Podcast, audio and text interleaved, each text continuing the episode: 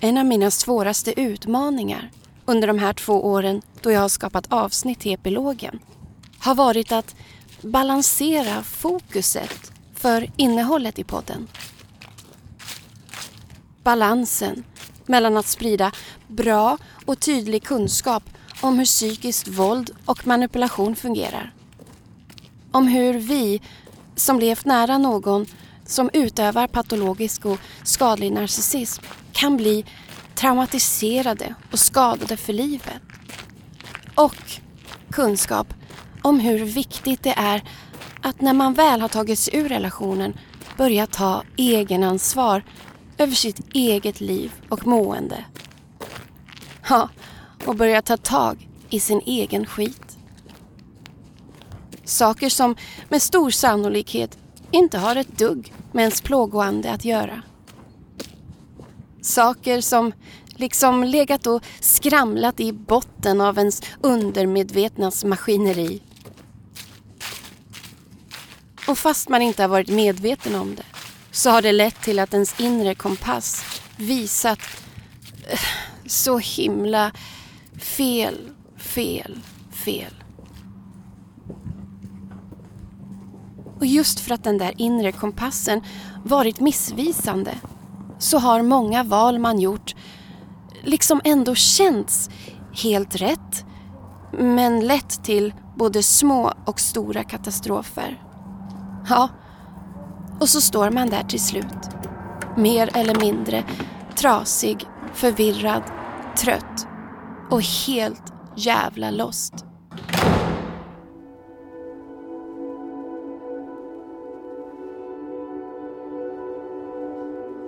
Det är just därför som jag så många gånger i den här podden har tjatat om att både kunskap och läkning måste ske i 3D. Att våga se the bigger picture. Alltså hur allt märkligt man har upplevt och allt skit man har drabbats av kanske ändå på något plan passar in i en helhetsbild som ofta inte är särskilt smickrande. Men den är i alla fall sann. Och det som är sant går ju liksom inte att rymma ifrån. Hur mycket man än skulle vilja det. Då är det bara att fejsa allt det där som tillhör en själv. Allt det som man måste jobba sig igenom för att den inre kompassen till slut ska kunna visa rätt livsvägar för oss att vandra vidare på. Annars kommer vi med stor sannolikhet bara att fortsätta följa den missvisande kompassen och dra till oss mer skit fastän det först kanske kändes så rätt och bra. Så det är viktigt det här med att börja utforska sina egna destruktiva beteendemönster och alla föreställningar man har om sig själv och sin verklighet. Men även slå hål på rena fantasier om vad livet, kärleken och lycka innebär. Fantasier som ofta rotar sig i externa källor. Kanske i våra föräldrars förväntningar på vad vi ska eller bör uppnå i livet. Eller som baserar sig på saker som vi har läst, sett på film eller som vi tror att de flesta andra människor har och därför borde vi också ha det. Eh, annars kanske det är något allvarligt fel på oss. Ja, en del fantasier känns sköna att tänka på medan andra skaver och sårar när man inser hur fruktansvärt avlägsna de känns. Så vad tjänar då fantasierna för syfte? Och hur skulle vi känna om vi nästan gett upp hoppet om dem? Men plötsligt så händer det. Där, och där kommer plötsligt hela fantasin inslagen i gyllene omslagspapper med vackert sidenband och en prydlig rosett.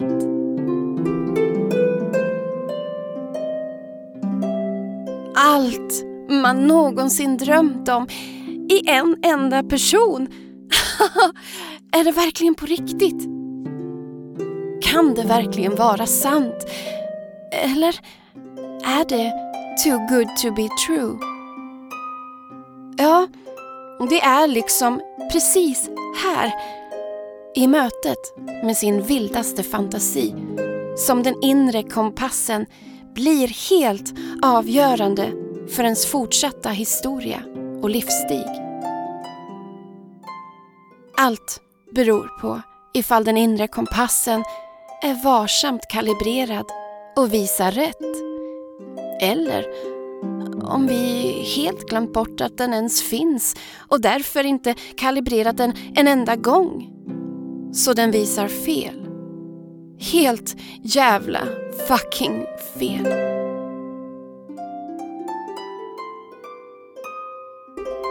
Du lyssnar på Epilogen Podcast Shared Fantasy, en kärlekspsykos. Och jag är Mia Makila.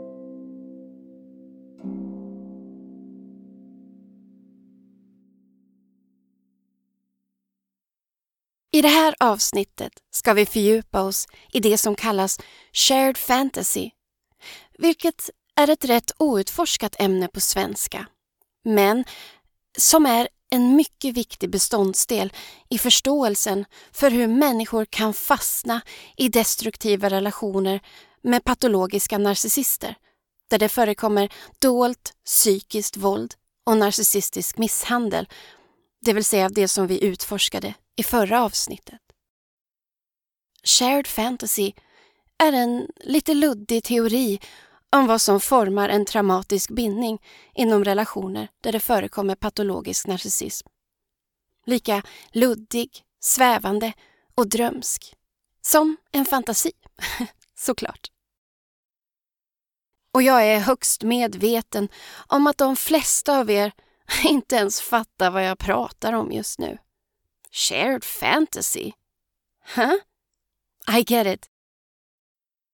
Och nu när jag ska börja förklara för er så att ni i alla fall kan få en liten förståelse för vad allt det här handlar om så stöter jag redan på problem med själva termen shared fantasy. För i och med att det här ämnet är så pass outforskat på svenska så har jag inte lyckats hitta någon svensk översättning av begreppet shared fantasy. Kanske finns det någon snajdig svensk psykologisk term som jag inte känner till, men jag har då inte lyckats hitta den. Det närmaste jag kan komma en slags psykologisk term, som även är anammad på svenska, är folie à deux, som betyder två människors vansinne på franska. Det vill säga två personer som delar samma vanföreställningar. Men jag anar att de är mer uttalade, påtagliga och i ögonfallande bizarra än de vanföreställningar som ingår i narcissistens shared fantasy. Som liksom mer sker under ytan, mellan raderna, på ett väldigt subtilt och dolt plan. Inom folie à deux är i allmänhet den ena personen den primära patienten som har en äkta psykos och den andra personen som blivit influerad och medberoende. Nej, alltså, även om shared fantasy är en slags, eh, ja, kärlekspsykos mellan narcissisten och ens partner så är det inte två galningar som beter sig galet för att den ena av dem lider av hallucinationer eller en psykos och den andra apar efter. Och inte heller går det att bara översätta termen till svenska så att den makes sense. Det närmaste jag kommer shared fantasy på svenska är översättningen av en gemensam eller delad fantasi. Men bägge översättningar känns lika otillfredsställande. En gemensam fantasi låter ju som man har en fantasi, som något gemensamt intresse. Liksom som man redan har en fantasi med sig och sedan träffar någon som man matchar kring den gemensamma fantasin. Det är inte alls så det här med shared fantasy fungerar. De fantasier som spelar in inom shared fantasy och som vi kommer utforska i det här avsnittet utspelar sig på ett djupare plan, i det undermedvetna. Och även översättningen delad fantasi känns inte särskilt lämplig eftersom det svenska ordet delad är så himla tvetydigt.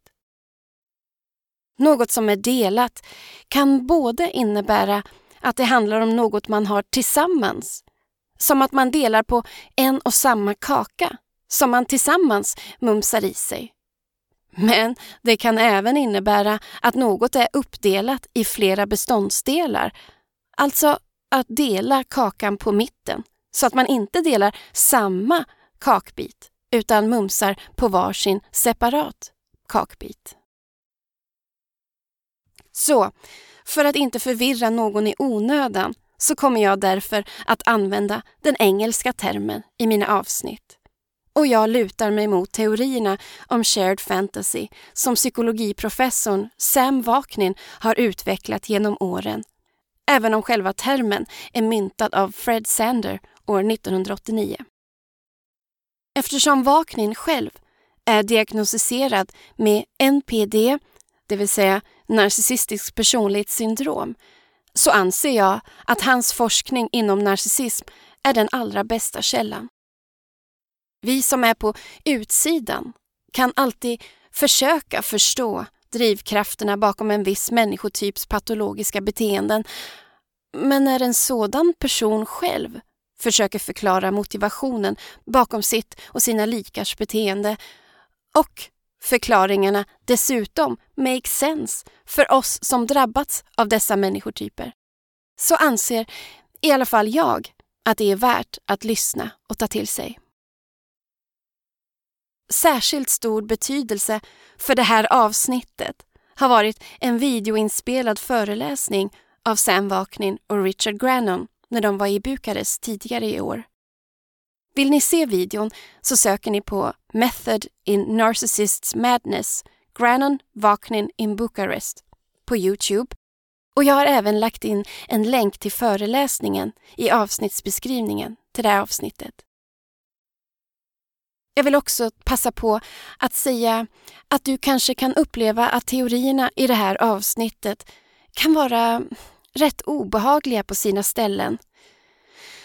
Men det är obehagligt med narcissistisk misshandel. Hur rosenskimrande fantasibubblan än må vara i början. Jag tänker inte sugarcoata någonting. Tvärtom så vill jag exponera vad som egentligen sker under ytan, mellan raderna, innanför bubblan, bakom rökridåerna och bortom illusionerna. Hur som helst, innan vi sätter tänderna i Vaknins teorier om shared fantasy så vill jag bara påminna om att när jag använder pronomet han och honom när jag talar om narcissisten och hon eller henne om offret så kan du självklart bara byta ut det mot det som passar just din situation. Narcissister kommer i alla former, kön, åldrar och samhällsklasser.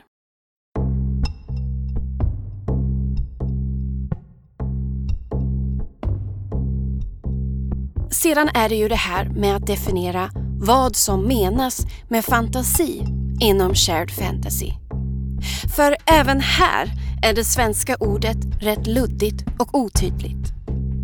På svenska kan nämligen ordet fantasi både innebära en drömlik, icke-verklig, imaginär föreställning om något och det som på engelska kallas imagination. Alltså en slags inbildningsförmåga eller kreativ påhittighet. Det vill säga en förmåga att kunna se och lägga ihop inre bilder, förnimmelser och föreställningar till idéer som kanske inte alltid, men ändå rätt ofta faktiskt går att genomföra. Även om de vid första anblick kan verka både orimliga eller omöjliga. Man kan ju ha en livlig fantasi och det är ofta något underbart som leder till kreativa uttryck och innovativ lekfullhet som i sin tur inspirerar andra. Men det är inte alltid så sunt att leva i en fantasivärld där man håller verkligheten på avstånd. Och det är här Sam Vaknins forskning om shared fantasy och narcissism kommer in i bilden. Fantasi är nämligen även en psykologisk försvarsmekanism som, ja, alla kluster B-personligheter använder sig av. Hela narcissistens identitet, självbild och verklighetsuppfattning är ju uppbyggd på fantasier, självbedrägeri och vanföreställningar. Men varför är då fantasierna så viktiga för en narcissist? Vaknin menar att för en människa som känner ett extremt självförakt, som narcissister ju gör, men samtidigt har ett starkt behov av att bli sedda. Och det vill ju verkligen en narcissist, dold som öppen eftersom all form av uppmärksamhet innehåller en viss form av grandiositet som ger narcissistisk påfyllnad. Ja, då uppstår en inre dissonans. Alltså en inre konflikt. Narcissister är ju så desperata att bli sedda. Men de vill absolut inte bli sedda för allt det där som de föraktar hos sig själva. De är så kallad egodystoniska, det vill säga att deras verkliga tankar, beteenden och känslor står i konflikt med sin ideala självbild. De vet att det är något fel på dem. De vet att de är latent aggressiva, manipulativa och abusiva. I detta saknar de verkligen inte självinsikt. Och just därför så ser de sitt äkta jag som något ont som de vill rymma ifrån. Och den enda vägen ut ur denna frustrerande inre konflikt är att skapa en fantasi som de tryggt kan bli sedda i. Fantasin är helt enkelt en psykologisk försvarsmekanism. En fantasi har inga riktiga konsekvenser. I situationer där samma handlingar och val hade gett stora eller katastrofala konsekvenser i verkliga livet kan narcissister komma ut både skuldfria och oskadade om de har skapat en fantasi istället för att förhålla sig till verkligheten. Om man skapar en fantasi att existera genom kan man heller inte skadas eller såras på djupet eftersom den inte är en verklig del av en själv. Utan att ta till fantasi som försvarsmekanism så utagerar det allt oftare sina aggressioner och självdestruktiva beteenden.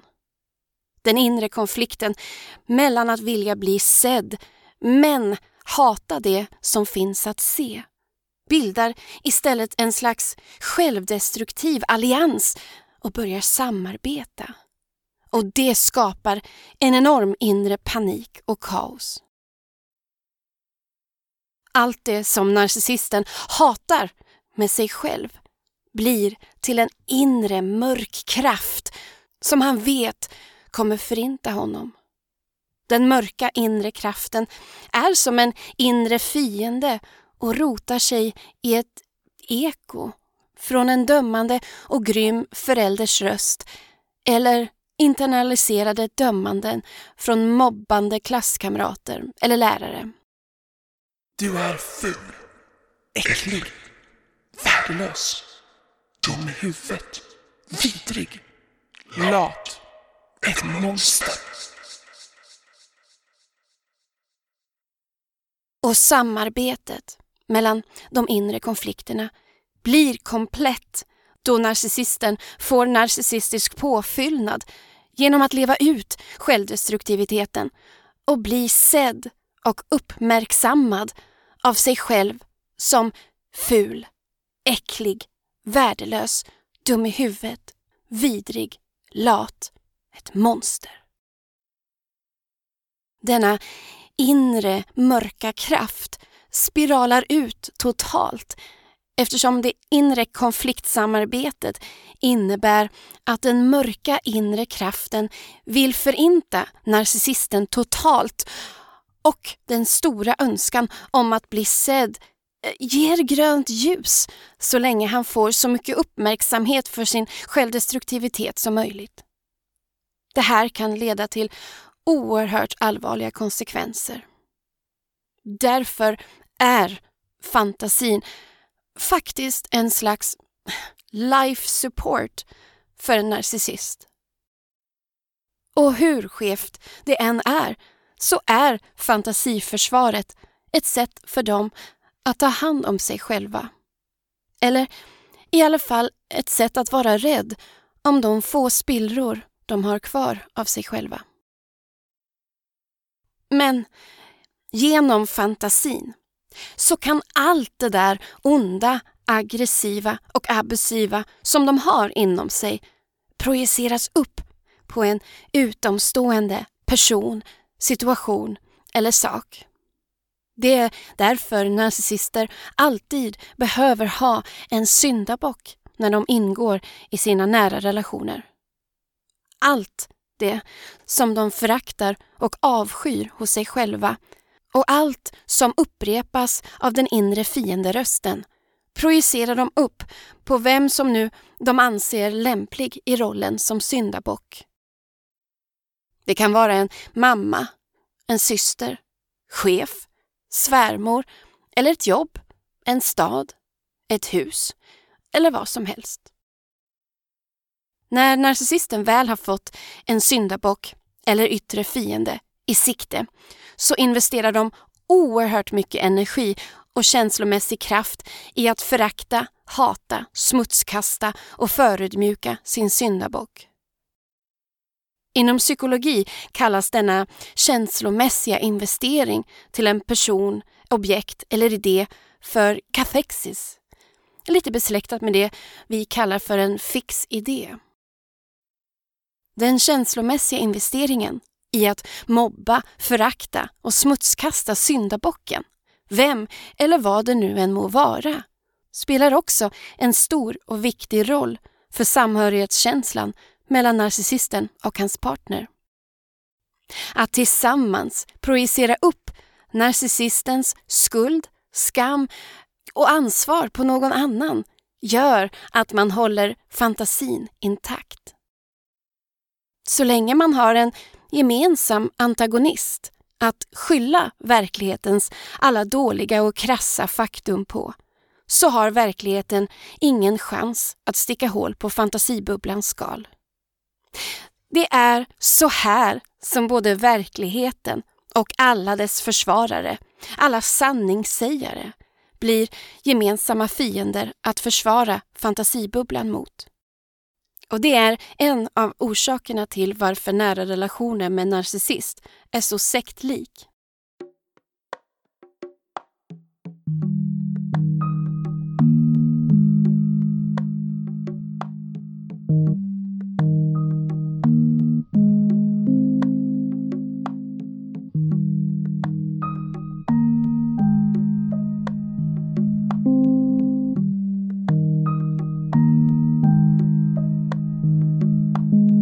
I förra avsnittet pratade jag även om hur narcissister har så kallad poor reality testing, eller en begränsad realitetsprövning.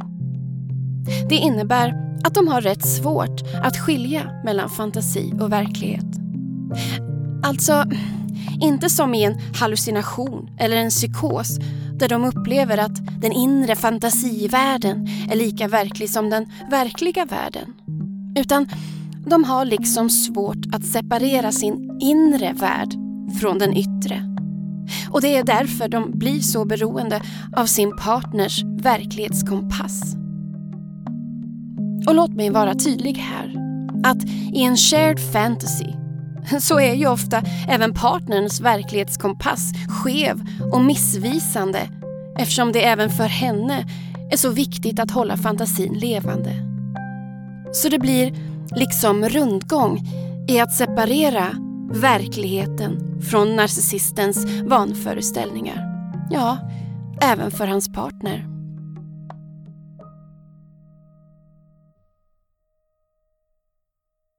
Till skillnad mot antisociala människor, eller det vi kallar psykopater, så är narcissister i grunden sociala människor eftersom de inte överlever utan att existera i andras blickar eller medvetanden.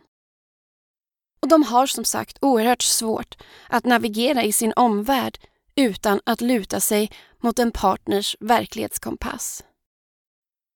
Partnern blir som en tolk åt narcissisten och tvingas ofta medla i narcissistens konflikter och hålla reda på datum för hans vänners och mäktingars födelsedagar, namnsdagar och reda ut det inre känslokaoset som bildas när de triggas av andras ifrågasättanden eller kritik.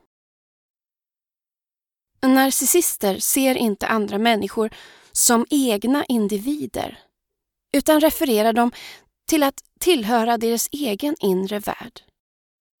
Min kollega, min syster, min mamma, min son, min granne.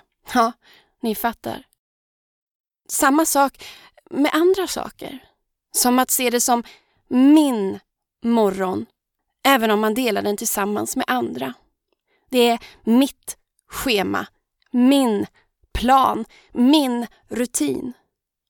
Förståelsen för att andra människor ingår i dessa saker och att de i sin tur har egna scheman, planer och rutiner finns inte.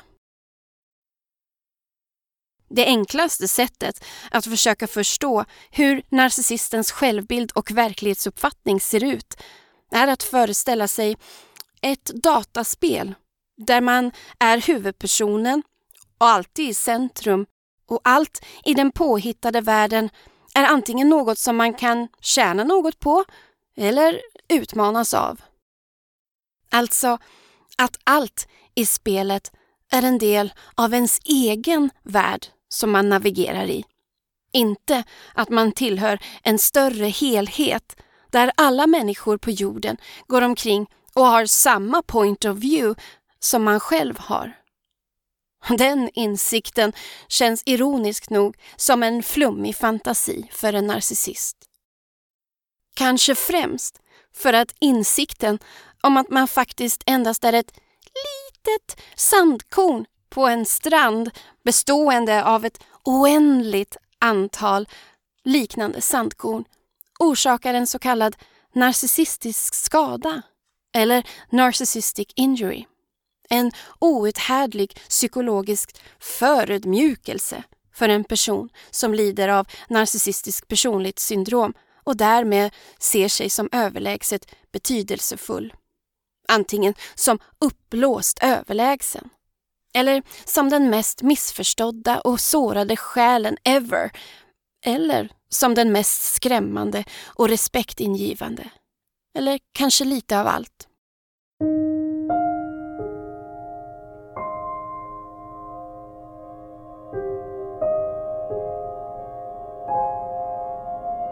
Men okej. Nu har vi i alla fall rätt ut vad begreppet share fantasy baserar sig på och varför narcissisten har ett sådant stort behov av att skapa både egna fantasier och en shared fantasy tillsammans med en partner. Det är nu dags att vi tar oss an anatomin av en shared fantasy för att kunna tränga oss innanför fantasibubblans skira och sköra skal.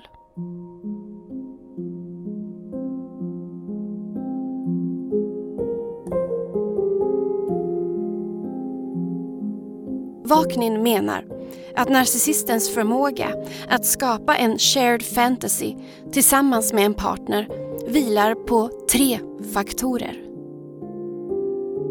Först måste miljön vara rotlös, lätt att göra sig av med och överge. Ett så kallat fantastical space. Ett fantasiutrymme. Ett eh, slags känslomässigt eller psykologiskt rum. Eller en slags kuliss där fantasin kan utspela sig.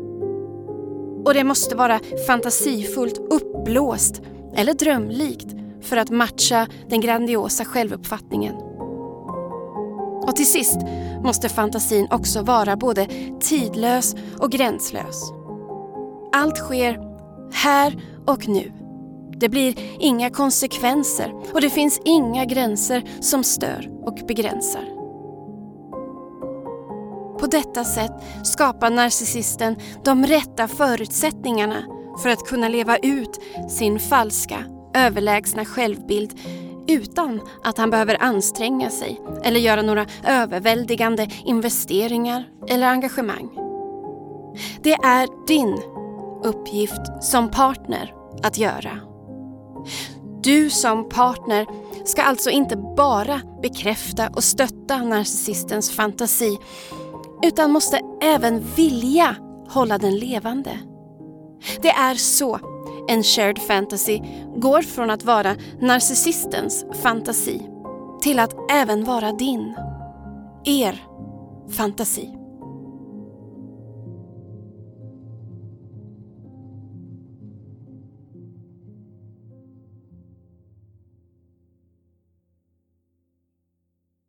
Att partnern vårdar, vaktar och försvarar fantasin är ännu en orsak till den sektliknande dynamiken som kännetecknar narcissistisk misshandel.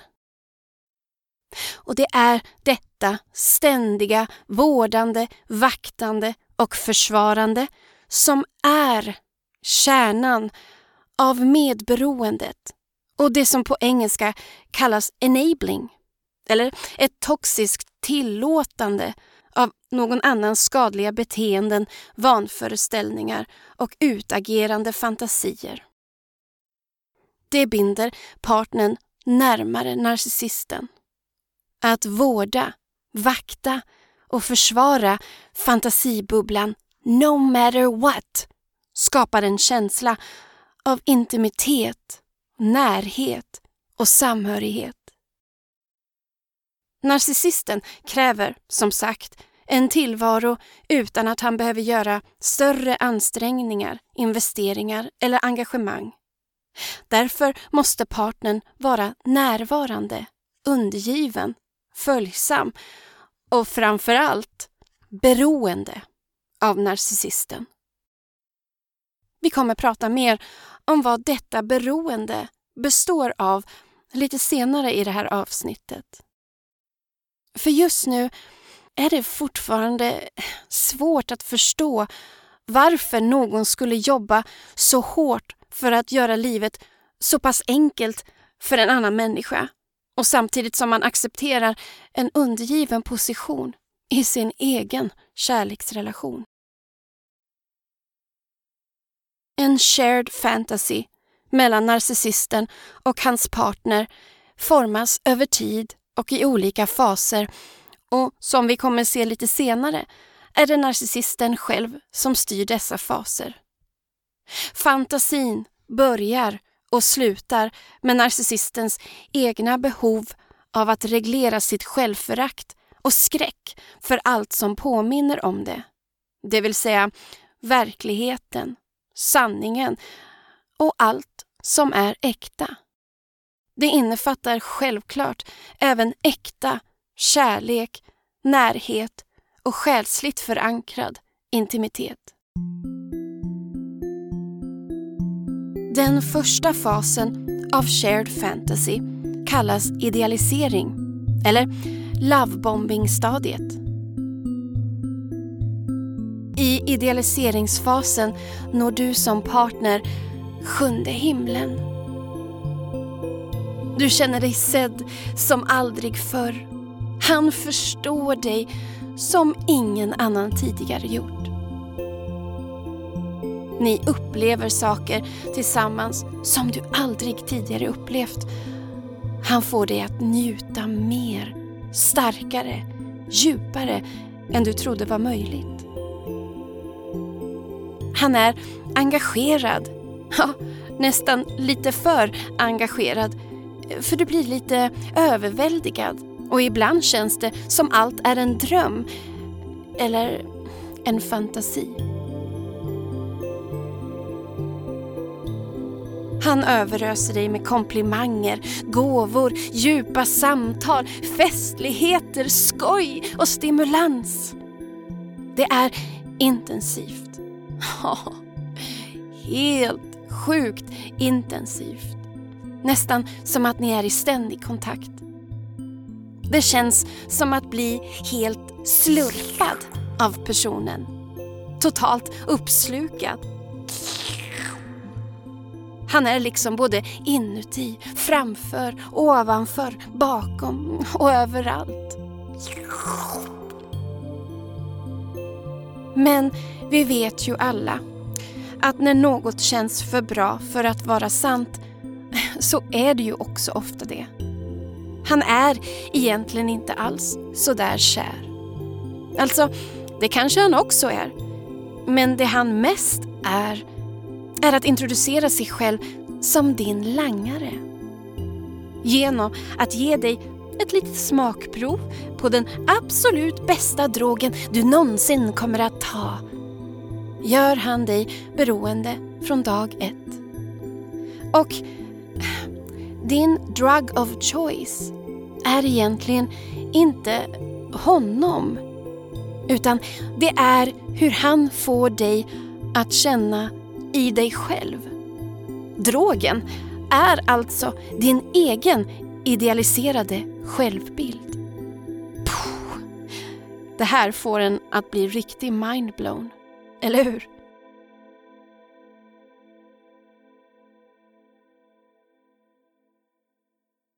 Men samtidigt är det här även en slags ömsesidig idealisering eftersom narcissisten samtidigt idealiserar sig själv.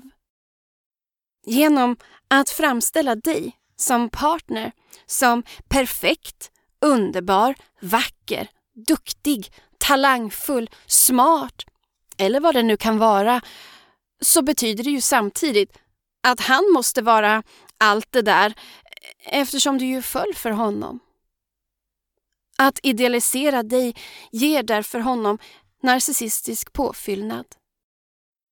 Ju mer han kan stoltsera med dig inför andra, desto mer påfyllnad får han själv. Och det är så här idealiserad som du nu måste vara för att han ska kunna få fortsätta behålla sin påfyllnad. I den första delen av min trilogi om narcissism i familjen så berättade jag om hur narcissisten tar som ett inre snapshot av människor. Ett slags inre fotografi som han sparar och som fungerar som hans verklighetskompass. När en individ inte har en inre kärna så får de förlita sig på sina första intryck och dömanden. Men jag tänker att vi ska lyssna på ett litet stycke ur avsnittet Narcissism i familjen, skadlig familjedynamik. En annan viktig komponent för att förstå hur narcissister ser på andra människor eller allt runt omkring dem är att deras verklighetsuppfattning är plattare än andras. Narcissistens sätt att tolka verkligheten är skev och förenklad.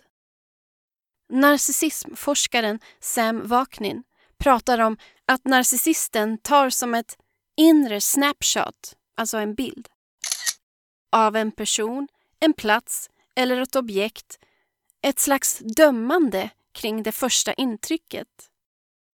En person kan bli dömd av narcissisten som bra, dålig, värdefull, värdelös och så vidare. Och det är genom dessa inre snapshots som narcissisten förhåller sig till sin omvärld. Det betyder att han alltid har egentolkade förväntningar på allt och alla. Matchar saker eller personer sedan inte narcissistens föreställning om hur de bör vara, se ut eller kännas så blir han irriterad och stressad.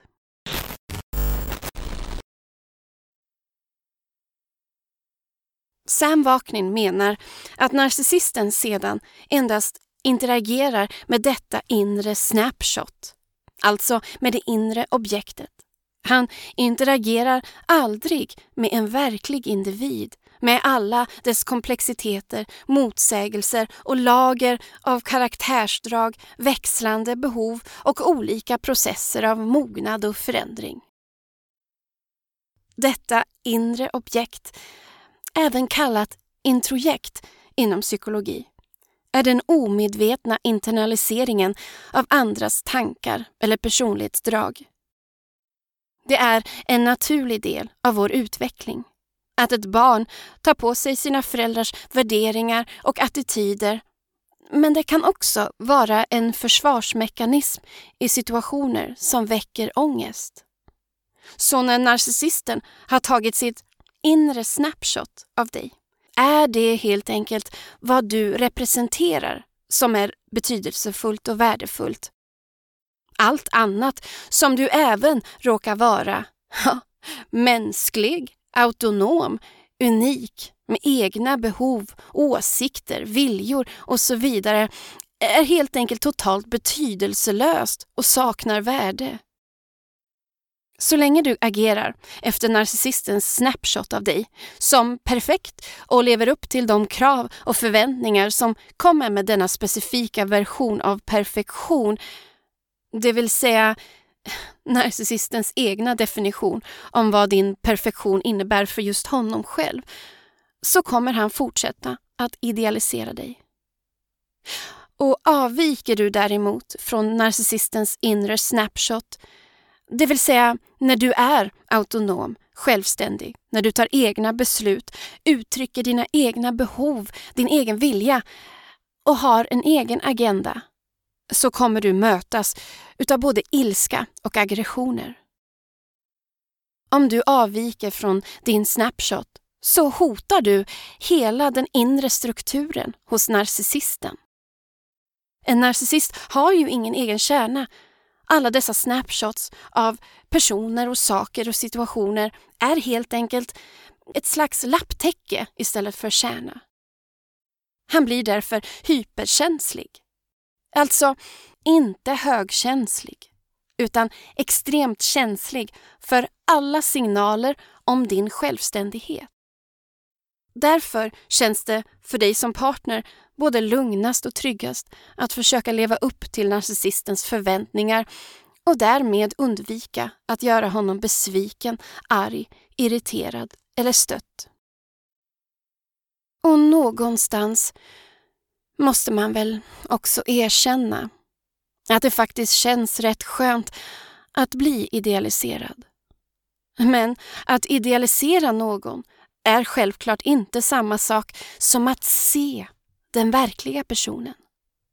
Att narcissisten idealiserar dig genom att sätta dig på en gyllene pedestal och sedan stöttar dig för att du ska stanna kvar där, alltså att peppa och heja på där du briljerar och upprätthåller fantasin är inte samma sak som att stötta och vårda din äkta natur eller dina behov, vilja, hälsa och mående.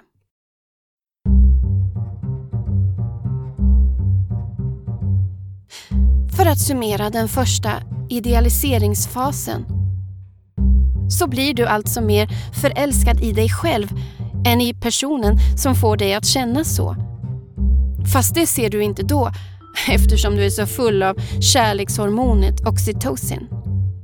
Du har introducerats till ett beroende, en fantasi som du bara kan få av narcissisten. Och du är redan hooked.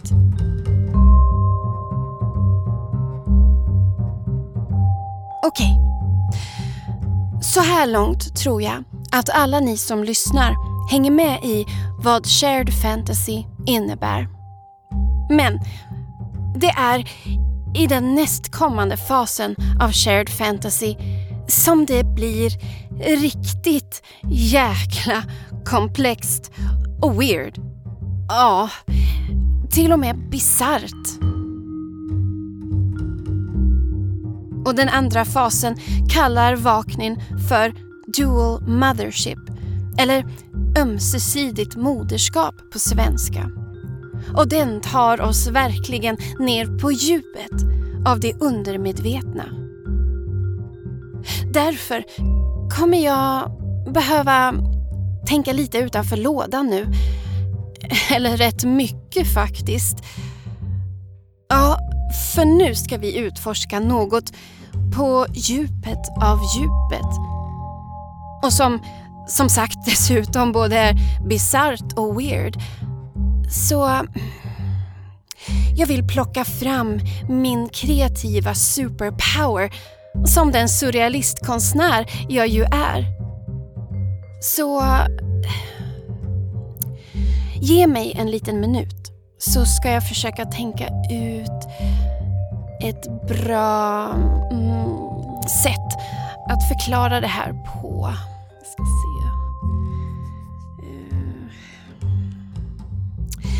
Jag tänker att... Um, att jag måste nog... Ehm, um, där, vad fasen. Uh, jo, okej. Okay. jag tänker att i den här fasen ömsesidigt moderskap behöver jag verkligen klä både narcissisten och hans partner i två verkliga individer. Eller ja, i alla fall två fiktiva karaktärer. Annars blir det liksom så himla abstrakt och luddigt om jag ska prata om det här i rena faktatermer. Det blir för torrt, för akademiskt och bla bla blait. Så jag måste helt enkelt hitta en narcissist och hans partner som jag kan använda som ja, levande exempel, eller vad man nu ska kalla dem för, som får exemplifiera detta märkliga med ömsesidigt moderskap inom deras shared fantasy. Så jag tänker att vi ska göra ett litet experiment, ni som lyssnar och jag. Något som kanske aldrig tidigare har gjorts i en podcast. Eh, eller vänta, kan man verkligen göra så? Ehm, de där inställningarna och sen... Eh, där. Nej men alltså, nej men det... Jo, nej, nej men det måste funka. det kommer funka. Jo men det kommer funka, jag vet det. nu vet jag vad vi ska göra. Det här kommer bli så kul! så är ni redo för ett litet kreativt äventyr?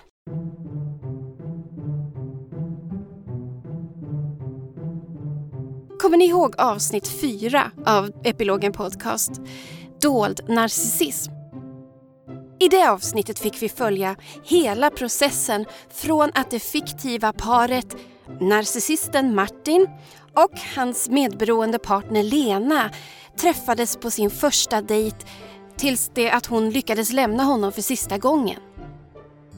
Jag tror att just detta påhittade par skulle fungera utmärkt som exempel för vår shared fantasy och allt det komplexa som det innefattar. Jag skulle kunna prata lite med dem och se vad som motiverar dem, hur de tänker, känner och ja, vad sjutton allt det här med ömsesidigt moderskap egentligen innebär. Så, jag har nu alltså bestämt mig för att hämta Lena och Martin från avsnitt fyra. Jag vet, det är helt sjukt. Alltså jag måste ju först hitta ett sätt att eh, ta mig in i ett gammalt poddavsnitt och avbryta den där quizshowen i avsnittet och ta med mig Lena och Martin till ett lugnt ställe där vi kan sitta och prata i lugn och ro.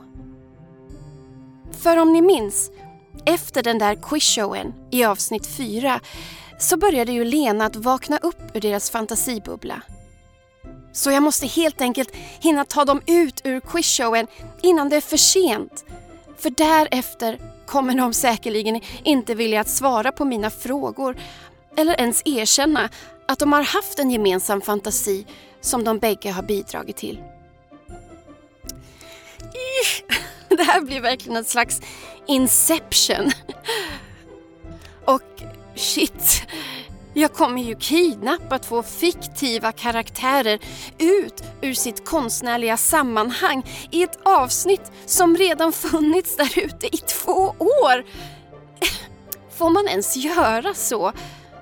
Och framförallt, går det? Ja, men det är en, det är en helt galen idé. Men det är väl bara att testa antar jag. Jag måste samla mig lite först. Ta ett djupt andetag.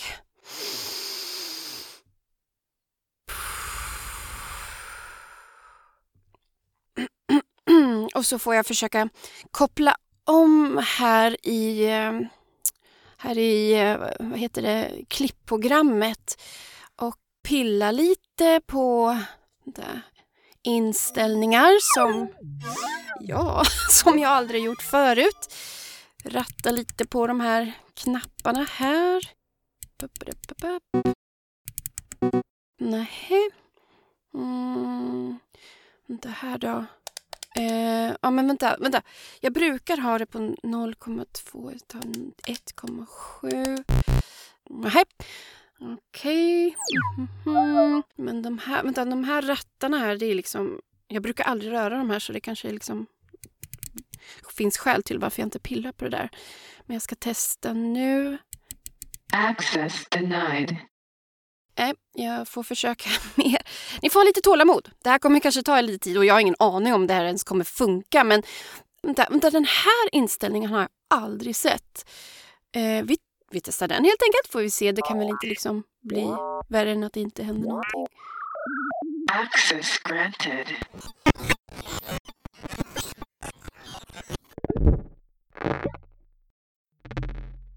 Eh, hallå? Eh, ha hallå, vad fan händer nu? Gud, shit! Jag kom åt någon jävla inställning här. Okej, okay, vänta. Eh, hold on. Jag, det här är lite pinsamt för att jag har ju inte en aning om vad jag gör. Men ja, det här är en crazy idé så att jag antar att det blir lite crazy på vägen. Men vänta, här finns en knapp som jag... Vi testar, vi kör, vi, vi ser vad som händer. Den som lever får...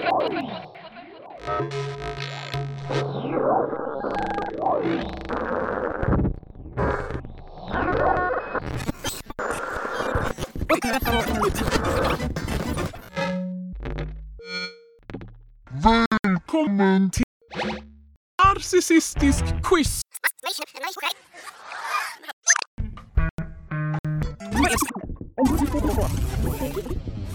Jag är er quizmaster.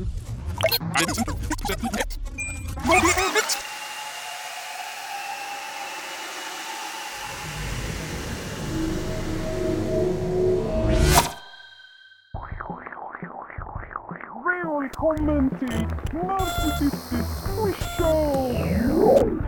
Jag är er quizmaster och detta är frågor du tror du vill ha svar på men egentligen Shit. inte vill ha svar på. Jävlar. Okej. Jag måste avbryta nu. där allt är på nu? villkor och regler. Förlåt? Hallå? Hallå? Förlåt, förlåt. Vänta, vänta, vänta, vänta, vänta. Hallå? Ehm, alltså, ursäkta, jag... Oh, jag vet att jag avbryter här nu, men Nej men vad är detta? mitt i er quizshow och allt, men Vad, du, ser du inte att du... jag... Ja men det här, Oh, ett ögonblick. Jag måste tappa... Jag tappar andan. Vi håller liksom på att spela in här. Nej, men du kan väl inte bara komma in och ta över? Du vet väl att det är jag som är quizmaster här? Jo, Jag vet. Jag har ju själv skapat både dig och avsnittet du är med i. I min egen fantasi. Ja, men okej. Men vad är det nu då som du vill som är så viktigt att du måste avbryta hela sändningen? Jo, jag är här för att hämta Lena och Martin. Eller i alla fall låna dem lite grann. Till ett framtida avsnitt. Det är... Eh, jag behöver dem för något väldigt viktigt och fint. Men det är bråttom. Ja, det är lite komplicerat att förklara och vi har inte tid för det nu. Så Martin, Lena, följ med mig. Kom, vi ska bara sätta oss någonstans och prata lite. Sedan kan ni återgå till ert lekprogram och fortsätta den här quizen. Okej? Okay? Så nu påstår du alltså att du är från framtiden? Vad säger publiken om det här? Det är ganska rubbat. Jahopp. Ja, ja. Och vad säger Martin och Lena om allt detta jäkla galenskap? Ja, alltså för min del är det helt okej att följa med. Jag är ju narcissist. Så jag diggar det där med att det är något viktigt. Det får mig att känna mig special. Tusen tack Martin. Ja, men... Och du då Lena? Vad säger du? Uh, alltså för mig spelar det ingen roll. Uh, uh, Om jag bestämmer att vi ska följa med Mia så går Lena också med på det, okej? Okay? ja, visst ja. Såklart. Du är ju narcissist. Men är det okej okay för dig, Lena? Mm. Ja, det är okej. Okay. ja, ja. Men okej. Okay. Ja. Okej, bra. Eh, Lena? Martin? Kom med mig. Jag vet exakt vart vi ska sitta och prata lite. Jag ska ta oss dit. Eh, måste bara... Där. Eh, jag måste bara hitta de här inställningarna. Hur var det jag gjorde? Där. Vänta lite bara så... Mm. Ja, publiken kan bua allt de vill. De kommer tillbaka. Eh, Okej, okay, jag ska bara trycka. Access denied. ja. Hur fan var det jag gjorde nu igen?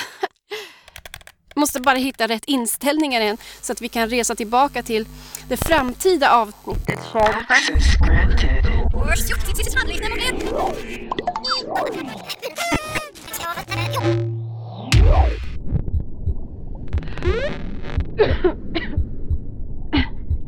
Yes! Oh, det funkade! Alla okej? Okay? Bra. Kan ni gissa var vi befinner oss någonstans? Oh.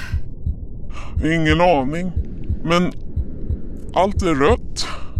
Eller nej, är det rosa? Och så lyser de väggarna. Jäkligt schysst inrätt alltså. Det är verkligen mysigt här inne. Lite som en grotta. Eller är vi på en annan planet? Nej, inte en annan planet. Utan vi sitter i varsin fåtölj inuti en livmodersbubbla. För det här är själva hjärtat av er shared fantasy. Äh, en vad då sa du? Livmodersbubbla. Ja, ni ser så förvirrade ut. Och lugn. Jag ska förklara varför det här är den perfekta platsen för ett samtal om shared fantasy. Men först vill jag bara säga att här inne så existerar varken tid eller rum. Därför finns det inte plats för några lögner. Allt ni kommer att säga här inne kommer att vara på djupet ärligt och rått. Och ni kommer att avslöja era innersta drömmar, rädslor och begär utan att hålla tillbaka någonting. Ni kommer att vara helt ärliga och uppriktiga om er fantasi eller shared fantasy när ni pratar med mig här inne. Men så fort ni lämnar den här trygga livmodersbubblan så kommer ni glömma bort allt som ni har sagt här inne och dessutom skulle ni bli mycket provocerade om jag skulle påtala sanningen om det ni nu kommer att säga till mig. Sanningen om er fantasi kommer ni inte vilja att veta av. Ni kommer att göra allt för att behålla fantasin intakt utan att sanningen ska få sticka hål på den. Och jag tror att ni kommer att avslöja mycket intressanta saker om er själva och er relation här inne. Och alla som lyssnar på det här har chans att lära sig någonting av er. Så det ni nu gör är viktigt. Tack för att ni är här. Ja, ja, ja, ja, ja.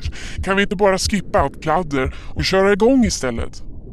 Men Martin. Jo, nu ska vi börja.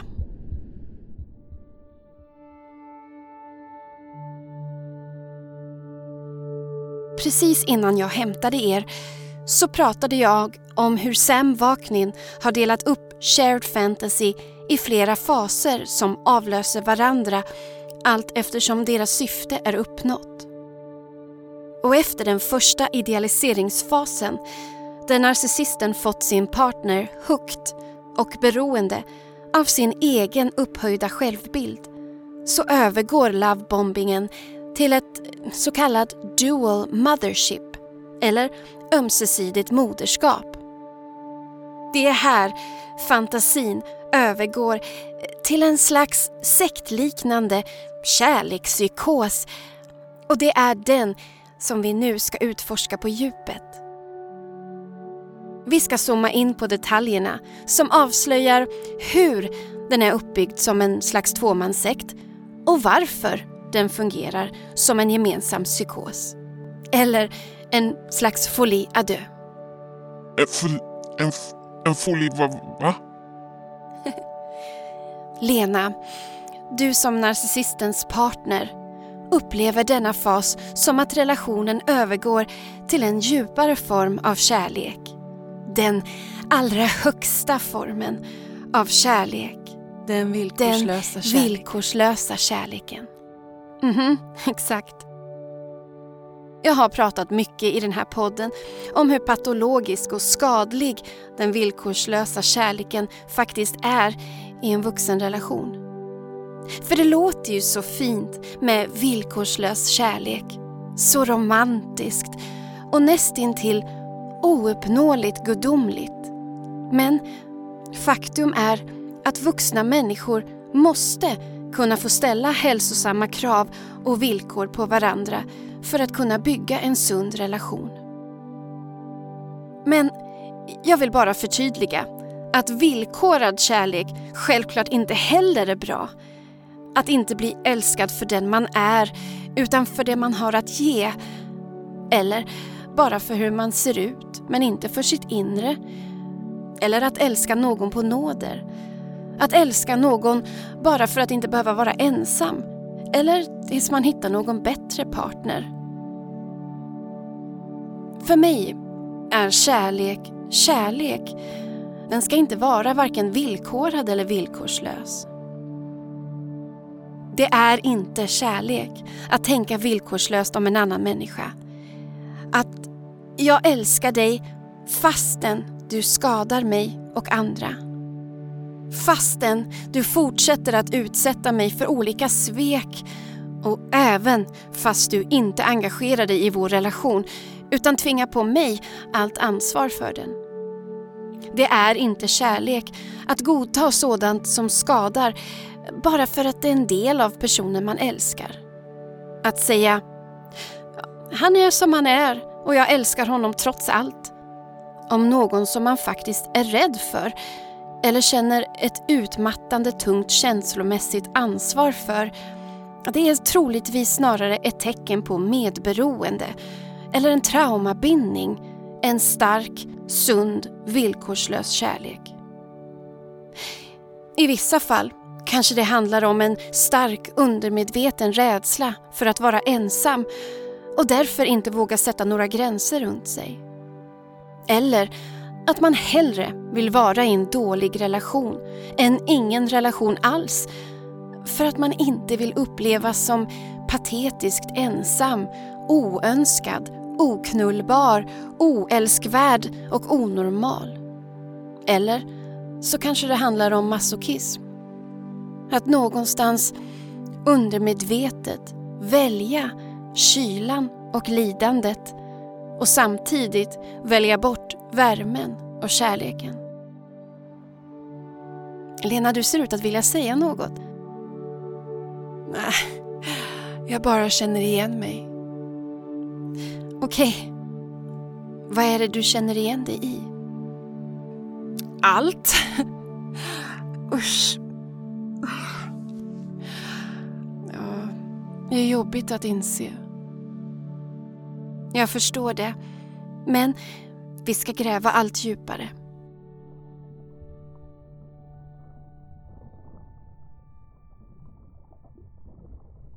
Var var jag någonstans? Jo. Villkorslös kärlek är något som tillhör kärleken och bandet mellan en förälder och ett barn. För ett barn är den villkorslösa kärleken den enda sunda formen av anknytning och omsorg. Alla former av villkorad kärlek mellan en förälder och ett barn skapar en destruktiv och osund relation. Även barnets relation till sig själv. En villkorad kärlek från en eller bägge föräldrar kan innebära att man inte får dra gränser genom att uttrycka sin egen röst för att säga ”jag vill inte” Jag tycker inte om, eller du får inte, utan att det leder till bestraffning. Eller att barnet får dubbla budskap av sina föräldrar där det ibland är okej att sätta gränser och ibland inte. Och då lett till skrämmande konsekvenser. Då har det varit lättare att ta det säkra före det osäkra och spela som man är okej med allt och låta andra invadera eller töja på gränserna. Ett barn som då spelar som de är okej med det som de varken vill eller tycker om blir belönade med föräldrarnas kärlek och godkännande. Detta gör att de växer upp och undermedvetet söker sig till partner som ger en liknande gränslös, kravfylld form av kärlek. Eller i alla fall vad de uppfattar som kärlek. Och att känna kärlek till sig själv har inte varit möjlig eftersom man har prioriterat bort sig själv, sin egen röst, sina behov, vilja och sina gränser för att anpassa sig till vem andra vill att man ska vara för just dem. Man lider alltså av det som psykologen och författaren Ross Rosenberg kallar SLDD, Self-Love Deficit Disorder, eller självkärleksbrist på svenska. Rosenberg menar att denna självkärleksbrist grundar sig i en barndom där kärleken från en eller bägge föräldrar varit villkorad och kommit med både krav och förväntningar som barnet måste uppfylla för att förtjäna kärlek, acceptans och respekt. Och att det är just denna självkärleksbrist som gör att man förväxlar kärlek med ett medberoende. Det känns både naturligt och bekant att ständigt behöva jaga kärleken och värmen hos dem som också förnedrar och förödmjukar. För den finns ju där ibland. Att jaga kärleken som finns där ibland blir ett beroende. Precis som när en missbrukare jagar ett fix och struntar i de skadliga konsekvenserna. Så det handlar om både ett medberoende och ett beroende. Inte så konstigt att individer som lider av självkärleksbrist på grund av villkorad kärlek i barndomen fastnar i destruktiva relationer som ofta alltså börjar med ett lockande erbjudande om villkorslös kärlek. För de som inte och aldrig fått uppleva en förälders villkorslösa kärlek så blir detta erbjudande som en nästintill magisk chans att ställa allt till rätta. Nu! Äntligen ska man få bli älskad på riktigt och det ska fylla det stora smärtsamma hålrummet i själen som man har burit i hela sitt liv. Ja, exakt så. Det är som att du beskriver min historia. Men det är nästan ofattbart. Jag blir stum. Jag förstår det, Lena. Det är så lätt att upprepa de här mönstren om man har dem med sig från början. Men för de som faktiskt har upplevt villkorslös kärlek från den primära anknytningspersonen i barndomen så har de lättare att se igenom den fälla som det innebär när en narcissist erbjuder dem att kliva in i den magiska fantasibubblan. Därför är det lättare för dem att lämna än de individer som lider av självkärleksbrist och medberoendeproblematik. Och när jag använder ordet primär anknytningsperson i dessa sammanhang så är det en modersgestalt jag pratar om. Men, och det här är viktigt, även en pappa eller far eller morförälder kan spela en sådan roll för ett barn. Om den primära anknytningspersonen, det vill säga modersgestalten, har varit fysiskt eller psykologiskt eller känslomässigt frånvarande så kan det göra stor skada på barnets naturliga utveckling. Den känslomässigt frånvarande modern har faktiskt en klinisk term inom psykologin. Den döda modern-komplexet. Eller Dead Mother Complex på engelska. Som den franska psykoanalytikern André Green myntade i början av 1980-talet. Alltså, inte att hon skulle vara död på riktigt såklart, utan otillgänglig och frånvarande rent känslomässigt och inte svarar på barnets känslomässiga behov. Den döda modern-komplexet involverar en tidig och destruktiv identifiering av ens mammafigur som en död, eller snarare deprimerad och känslomässigt otillgänglig mamma. I sin forskning såg Green att den döda modern från början var känslomässigt engagerad i sitt barn men som sedan stängde av från att vara känslomässigt tillgänglig till att bli känslomässigt otillgänglig. Kanske under påverkan av förlust och sorg i hennes egen ursprungsfamilj. Att barnet förblir oförmöget att återställa en känsla av känslomässig kontakt med sin mamma har en mycket skadlig inverkan på barnets mentala och känslomässiga utveckling. Istället för en naturlig inre trygghet som hjärnan utvecklar med hjälp av den känslomässiga kontakten med modern så internaliseras en hård, icke-reagerande känslomässig kärna som i sin tur främjar en destruktiv form av narcissism. Och ja, det är just här, med den villkorslösa kärleken, den döda modern-komplexet, som det ömsesidiga moderskapet inom shared fantasy kommer in.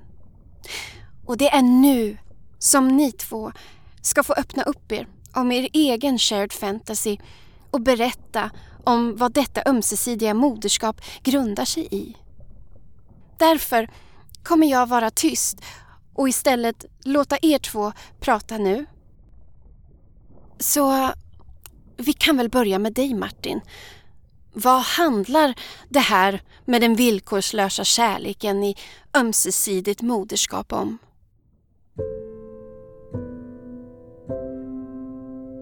Oh, vart ska jag börja? Det här är så sjukt komplext. Jag har aldrig ens formulerat det inför mig själv ens. Eh, men... Eh, alltså... Drivkraften bakom hela shared fantasy-grejen är att jag vill försöka återskapa den komplexa relationen jag haft med min egen mor. Alltså... kanske inte så mycket så som hon verkligen är, utan som hon är representerad i mitt psyke. Jag integrerar ju inte med mamma som en riktig person, utan som ett inre objekt som tillhör mig. Mitt inre snapshot, ni vet. Min mamma använde mig för sin egen vinning när jag var liten. Hon har alltid sett mig som en förlängning av henne själv. Jag har därför aldrig fått separera mig från hennes dömande blick eh, eller från hennes omöjliga krav och förväntningar på vem jag måste vara för just henne. Som det är min livsuppgift att fylla ett behov för henne. Att vara hennes son istället för att jag är min egen person.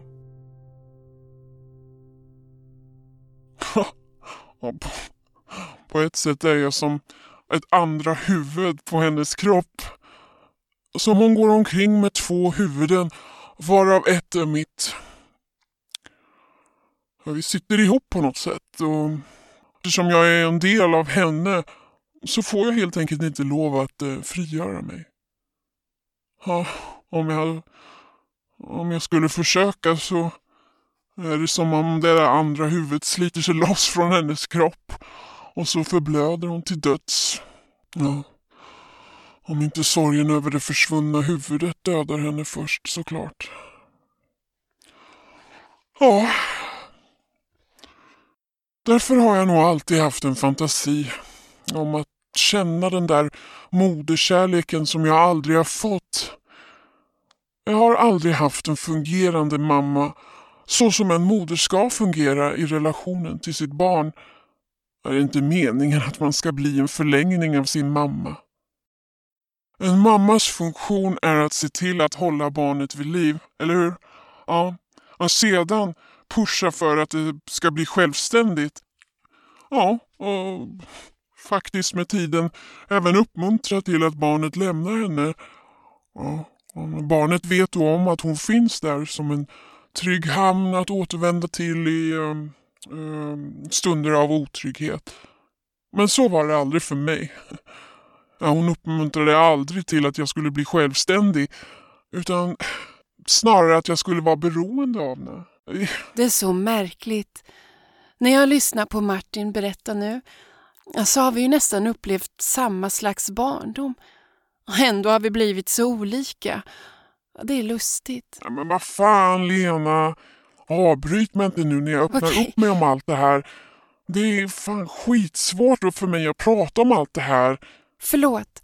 Eh, Förlåt Martin. Jag ska inte... Fortsätt berätta nu, okej? Tack.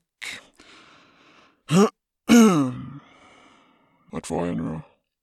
Uh, uh, uh, fast det kanske är svårt att tro så är jag bara två år inombords.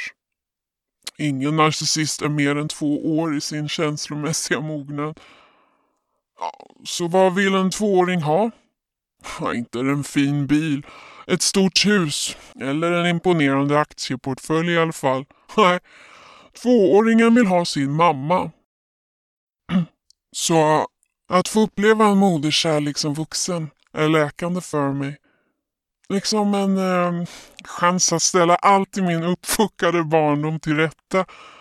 Så genom dig Lena kan jag väcka den metaforiska döda modern till liv utan att hon är där för att straffa eller skuldbelägga mig nu när jag äntligen får en chans att börja separera mig själv från henne. Därför var jag helt enkelt tvungen att börja med att idealisera dig, att få dig högt. Och det var därför det var så intensivt i början om du minns. Jag ringde dig innan du började jobbet och så ringde du mig på din lunch. Och sen ringde jag direkt efter du hade slutat jobba. För um, på så sätt visste jag att du var min. Och samtidigt hade jag hela tiden koll på vart du var och vem du pratade med. Briljant ju.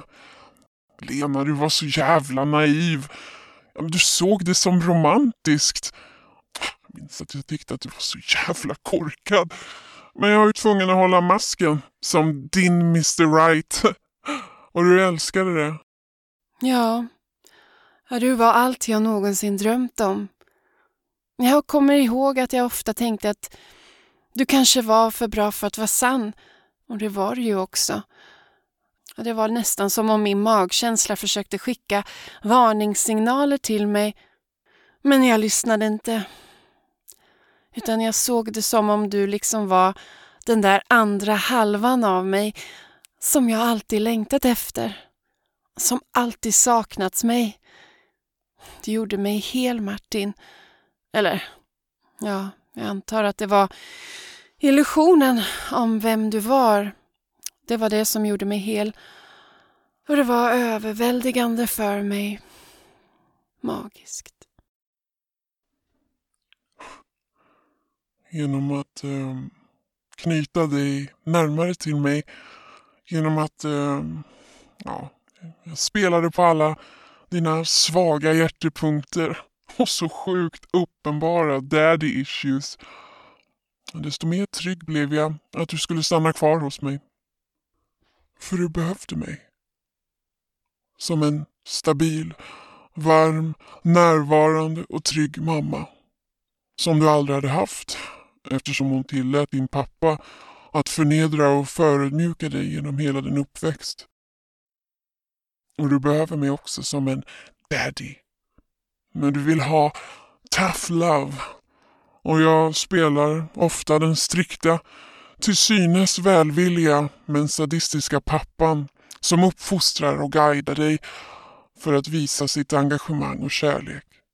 Men för att du inte ska tycka att jag är alltför hård eller uppfostrande kan jag snabbt switcha till att bli det sårade, griniga, självcentrerade och sadistiska barnet. Hörde du det, Lena? Mm? Den sadistiska pappan. Det sadistiska barnet. Alltid kärleksfullt sadistisk. Dubbel. Motsägelsefull men ändå platt och endimensionell. Det gör dig förvirrad. Och det gillar jag. Och har du tänkt på att eh, både när jag representerar rollen som din strikta, uppfostrande och allsmäktiga far och när jag förvandlas till det sårade barnet så blir vårt sexliv faktiskt en form av metaforisk incest. Men sluta Martin, det är ju äckligt. Jag vill inte att du pratar så där. Men du har helt rätt. Jag har aldrig älskat med dig som den man du är. Du är antingen så sträng och skrämmande, precis som en far, eller tafatt och... Nej usch! Jag vill älska med en man. Men du är ju aldrig en man. Vet du hur många gånger jag har blivit lockad av att vara otrogen mot dig bara för att jag längtar så mycket efter att känna en man. Jag kan vara din far, din mor, din son, din bödel. Det enda jag inte kan vara för dig är en man. Och jag njuter av att se dig frustrerad över det. Det gör mig trygg. Ja, det är i din frustration som jag vet att du har tagit hennes plats. Mammas plats. Så att jag kan eh, fortsätta arbetet med att separera mig från henne. Ju mer jag frustrerar dig och får dig att eh, lida i det tysta, desto tryggare blir jag. Så jag testar dina gränser. Och hur mycket kan jag frustrera dig, skrämma dig, förödmjuka dig, förnedra dig förrän du hotar med att lämna mig. Och om du nu lämnar mig, kommer du då tillbaka för att få mer av de fantasier som lindrar dina daddy issues och dina mother wounds? Martin, det är ett grymt spel du spelar med mig. Men vi spelade ihop, du och jag.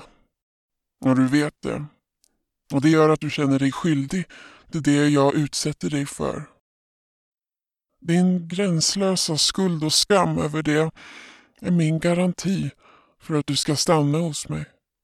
Stanna kvar inuti den här rosa fantasibubblan. Och ju mer traumabunden du blir till mig, desto mer missbehandlar jag dig. Hur stark är din kärlek, Lena? Hm? Hur mycket förnedring tillåter du bara för att få känna dig omsluten av den här sammetslena men förljugna livmodersbubblan? Va? Och ju mer jag får dig att lida, desto mindre outhärdligt blir mitt eget lidande. När du till slut är lika traumatiserad som jag själv blev som barn känns det faktiskt som en slags upprättelse. Nu är det jag som är i positionen av både makt och kontroll. Ja. Det är jag som får nu lov att eh, triumfera över mitt eh, barndomstrauma. Det är en kraftfull katarsis. Beroendeframkallande som fan. Och du stannar ändå kvar. Ah, det gör mig äcklad av dig. Det gör att jag vill förnedra dig ännu mer. Så jag missbehandlar dig allt oftare, grövre. Och nu är det inte längre av en faders kärleksfulla uppfostran. Nej, nu är det för att jag tycker att du är patetisk.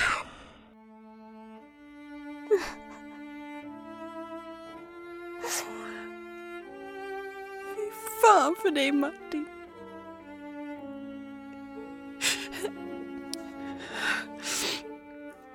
Ja, jag stannar kvar. För jag vet hur underbart det kan vara. Ibland. Jag vet att det är patetiskt. Men jag skulle göra allt för att få känna sådär som det, som det kändes i början.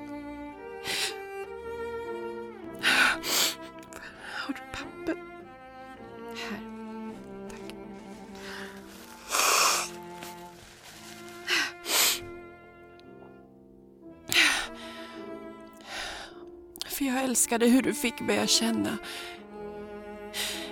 Ingen annan har fått mig att känna så. Så sedd. Så behövd. Så levande. Och så älskad.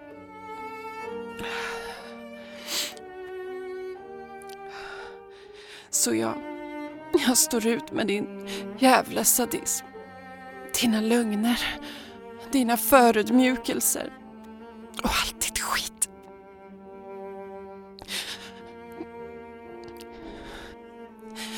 Jag vill inte förlora den där känslan som jag får när jag ser mig själv. Genom hur du ser mig. Så som bara du ser mig. Och det gör du verkligen. Ibland. Och det är beroendeframkallande som fan.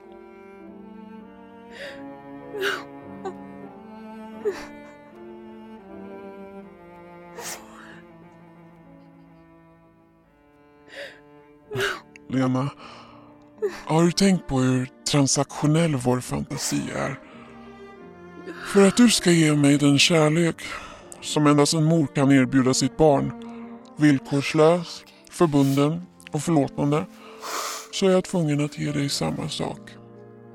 Jag måste få dig att känna dig älskad på samma sätt som en förälder älskar sitt barn.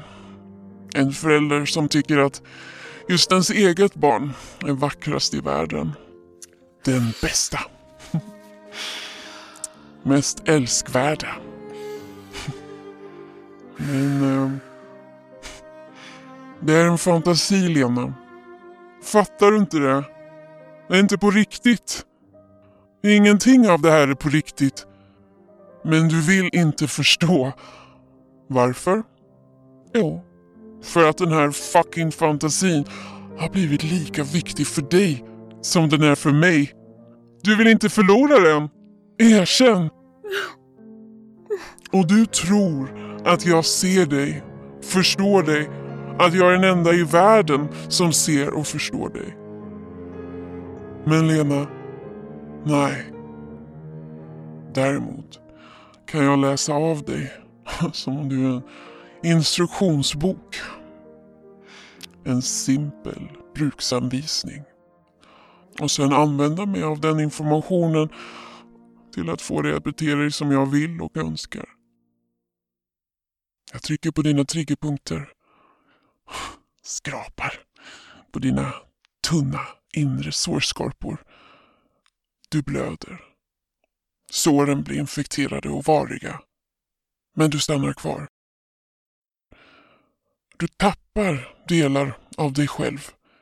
Vitala, viktiga delar som du behöver. Borta. Som om jag plågsamt stympar dig inifrån och ut. Men du stannar kvar.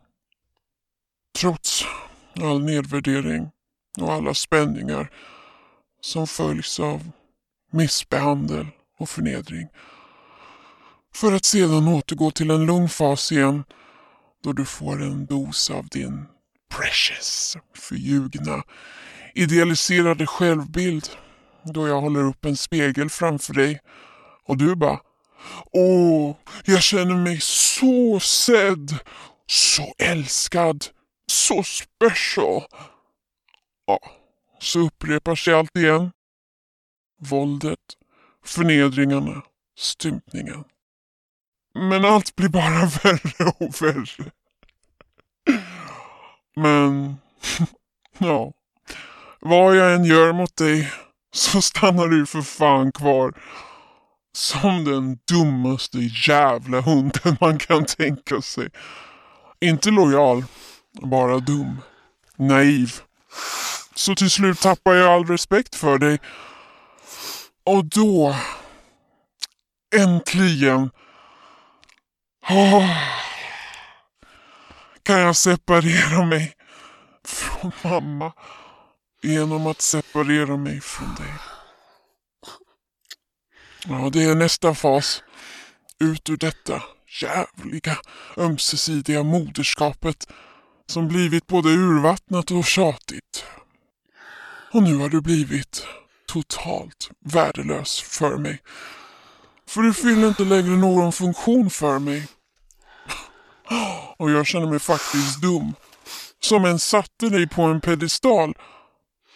Och genom att du får mig att känna att jag haft fel om dig så förödmjukar du faktiskt mig genom att bara existera.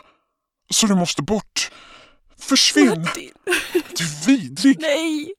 Vidrig Lena, du är vidrig! Försvinn! Martin, nej! Okej, vänta, vänta. vänta. Lena och Martin, vänta lite. Vä nej. Martin, vänta lite. Hallå? du kan inte göra så här mot mig. Jag har ju gett dig min själ, mitt liv, min kropp. Jag har gett dig allt jag har och allt jag är. Lämnar du mig nu så har jag ingenting. Jag kommer inte att vara någonting heller. Är det det jag säger? Du är ju dum. Korkad. Lyssna på dig själv. Hur du har slarvat bort allt du är medan jag inte har förlorat någonting. Ah, Om man bortser från att jag har förlorat en shared fantasy. That's it. Jag kan bygga en ny med någon annan. Så jag överlever nog ska du se. Vänta, hallå. Vänta, vänta, vänta. Hallå? Okej. Jag vet att det här har varit oerhört intensivt. Men det är nog bäst att vi bryter här så att ni får gå tillbaka till er quizshow i avsnitt fyra igen. Kanske gick vi lite för djupt in i vad det är ni befinner er i om man exponerar vad fantasin egentligen handlar om. hur verkligheten ser ut. Verkligheten som ni båda ser som fienden.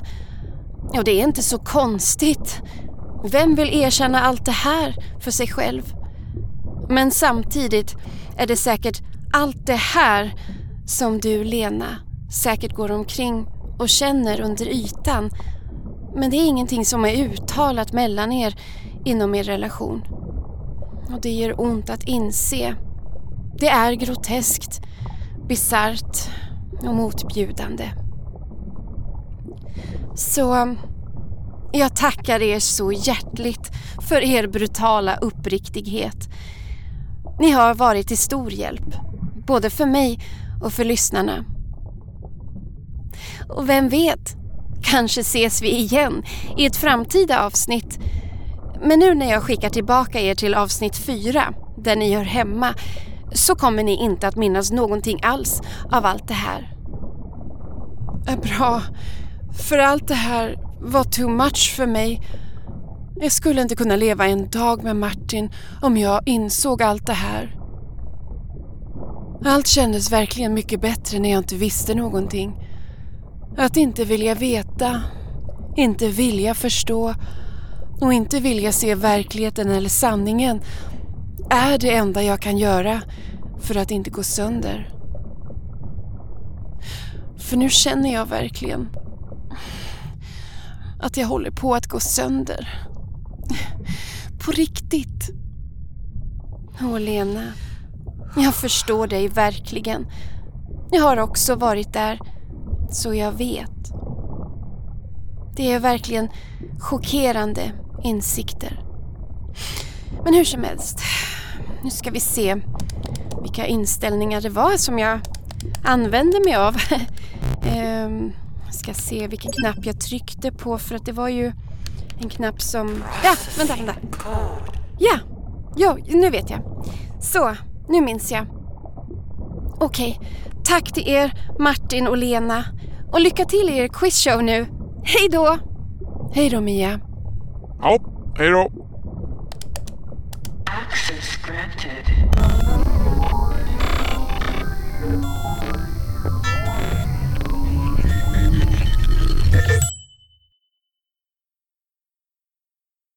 Oj! Jäklar vad det där var intensivt. Och ärligt talat faktiskt rätt omskakande. Oh, vilket avsnitt det här blev. Men det är ändå läkande att exponera allt det här komplexa, märkliga som ligger under ytan och skaver. Hur skulle man ens kunna formulera allt det här för sig själv medan man upplever det? Det känns ju som en omöjlighet, eller hur? Det jag kan konstatera, efter att ha studerat shared fantasy och lyssnat på Lena och Martin prata om det på djupet, så handlar den här delade gemensamma fantasin, eller vad man nu ska kalla det på svenska, om att man skriver på ett slags kontrakt med djävulen. I föreläsningen från Bukarest med Sam Vaknin och Richard Grannon som jag nämnde i början av det här avsnittet säger Grannon att det som gör narcissistisk misshandel så oerhört lömsk och komplex är just den lockande fantasin om ett ömsesidigt moderskap. Narcissistens osynliga kontrakt lyder Jag kommer att ta allt du är och allt du har ifrån dig men i gengäld kommer jag ge dig den allra bästa fantasin du någonsin kommer att uppleva. En fantasi som är rotad i en andra chans att få uppleva en moderkärlek som man aldrig fick i sin barndom men alltid drömt om, är svår att lämna. Ja, det är ju svårt att lämna sin mamma hur grym eller känslomässigt kylig hon än må vara, eller i vilken form och skepnad hon än må komma i. Därför är det så svårt att lämna en narcissist och er livmodersliknande shared fantasy.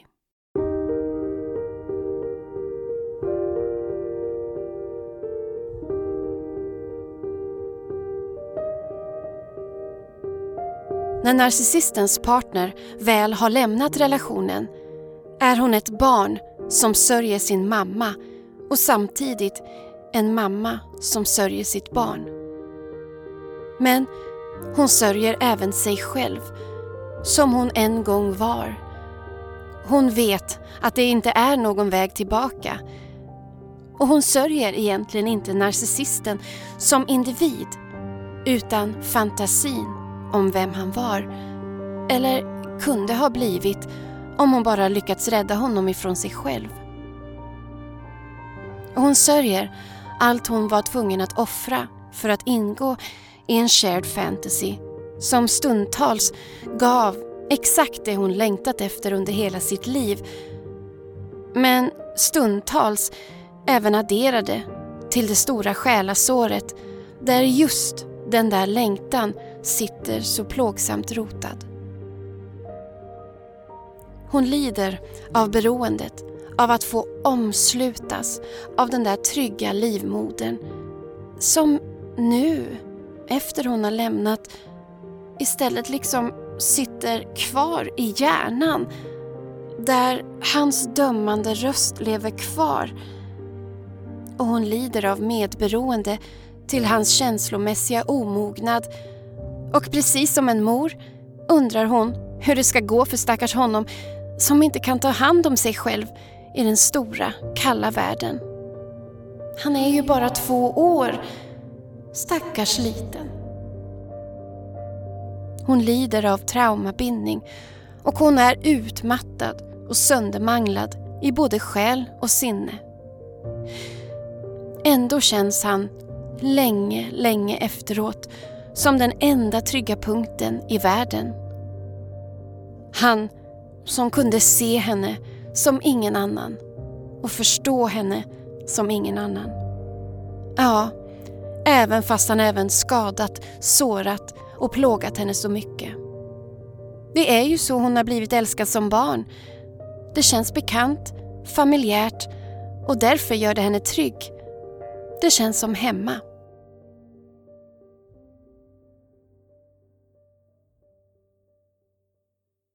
Det är just fantasin, eller illusionen om den familjära tryggheten som gör att den blir så sektliknande eller psykosliknande.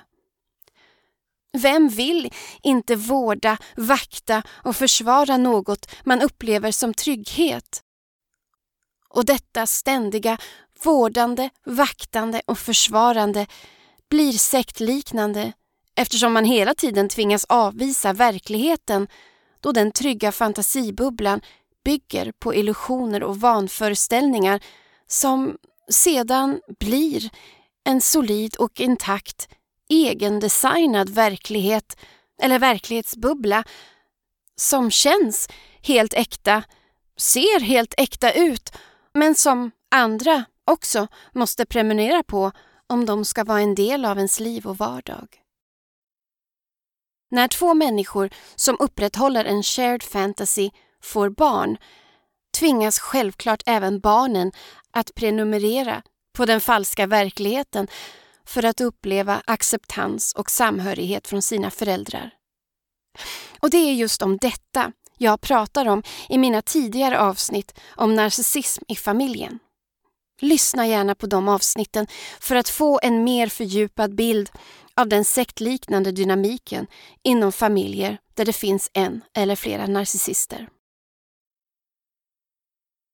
När Richard Grannon talar om att narcissistens partner skriver på ett osynligt kontrakt med djävulen så gör han en smärtsam poäng.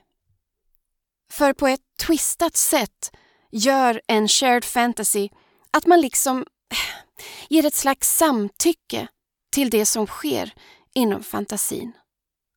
När man vårdar, vaktar och försvarar fantasins illusioner, skuggspel och vanföreställningar så blir man på ett sätt en enabler, eller tillåtare, till sin egen missbehandel. Eller så kanske man börjar bete sig som narcissisten. Man kanske reagerar på hans provokationer på ett sätt man inte brukar reagera på. Lite mer aggressivt, passiv aggressivt eller allmänt abusivt. Många överlevare vittnar om att de till slut knappt kände igen sig själva eller sitt beteende. Vem fan har man blivit?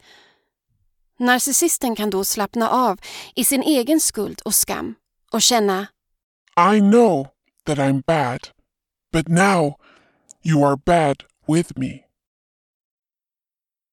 Enligt Grannon är det lättare att bearbeta olika former av misshandel, förnedring, övergrepp och våld när det finns en avsaknad av samtycke till det.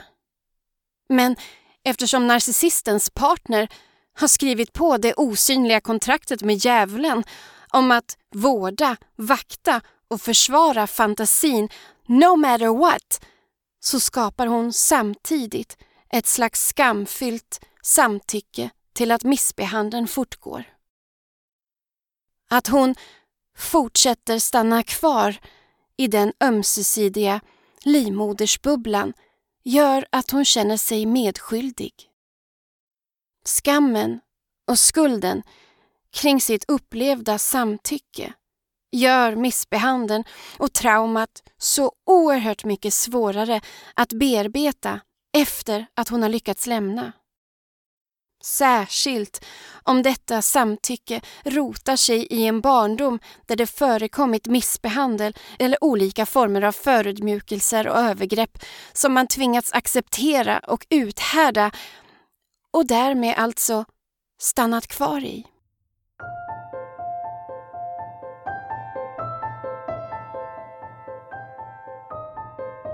Men offer och överlevare bär självklart inte skulden för sin egen misshandel eller sitt trauma.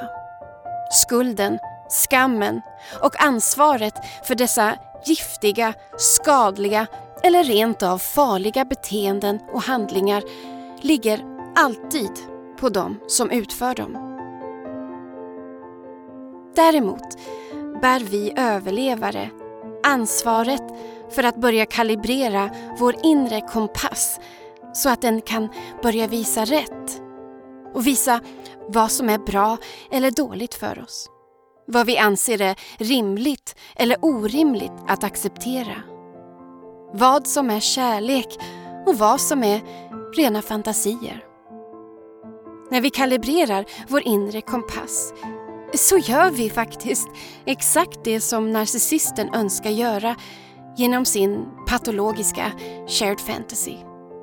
Vi separerar oss och blir våra egna individer.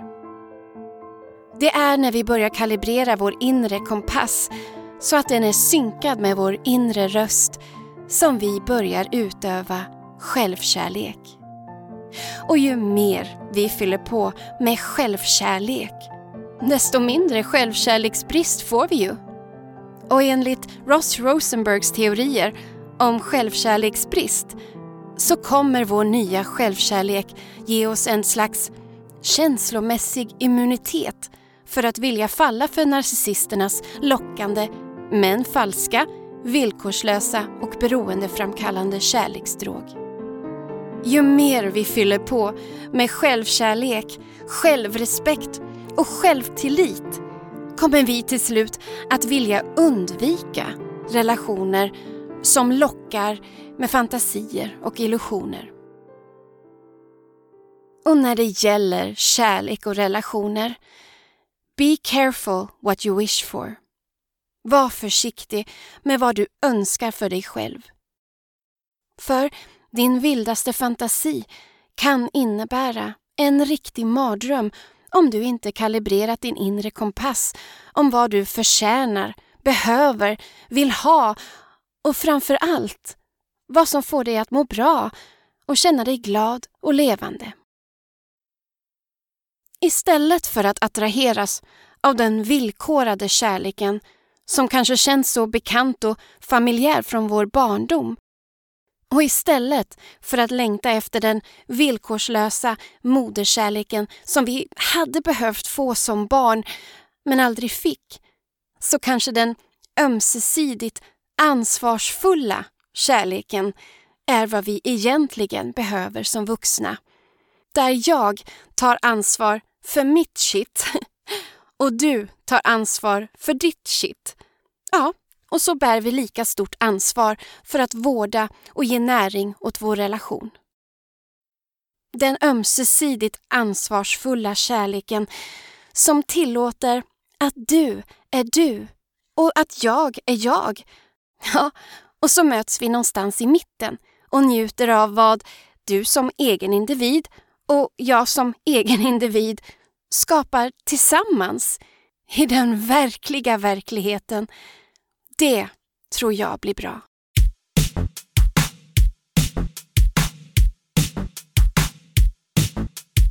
Du har lyssnat på Epilogen Podcast Shared Fantasy, en kärlekspsykos. Jag som producerar, skriver och framför epilogen heter Mia Makila och är konstnär. Mer info om mig och podden finns på miamakila.com. Samtliga roller i detta avsnitt spelade jag själv. Både musik och ljud i avsnittet är poddsäker och kommer från Free Music Archive och freesound.org. Tack för att du har lyssnat.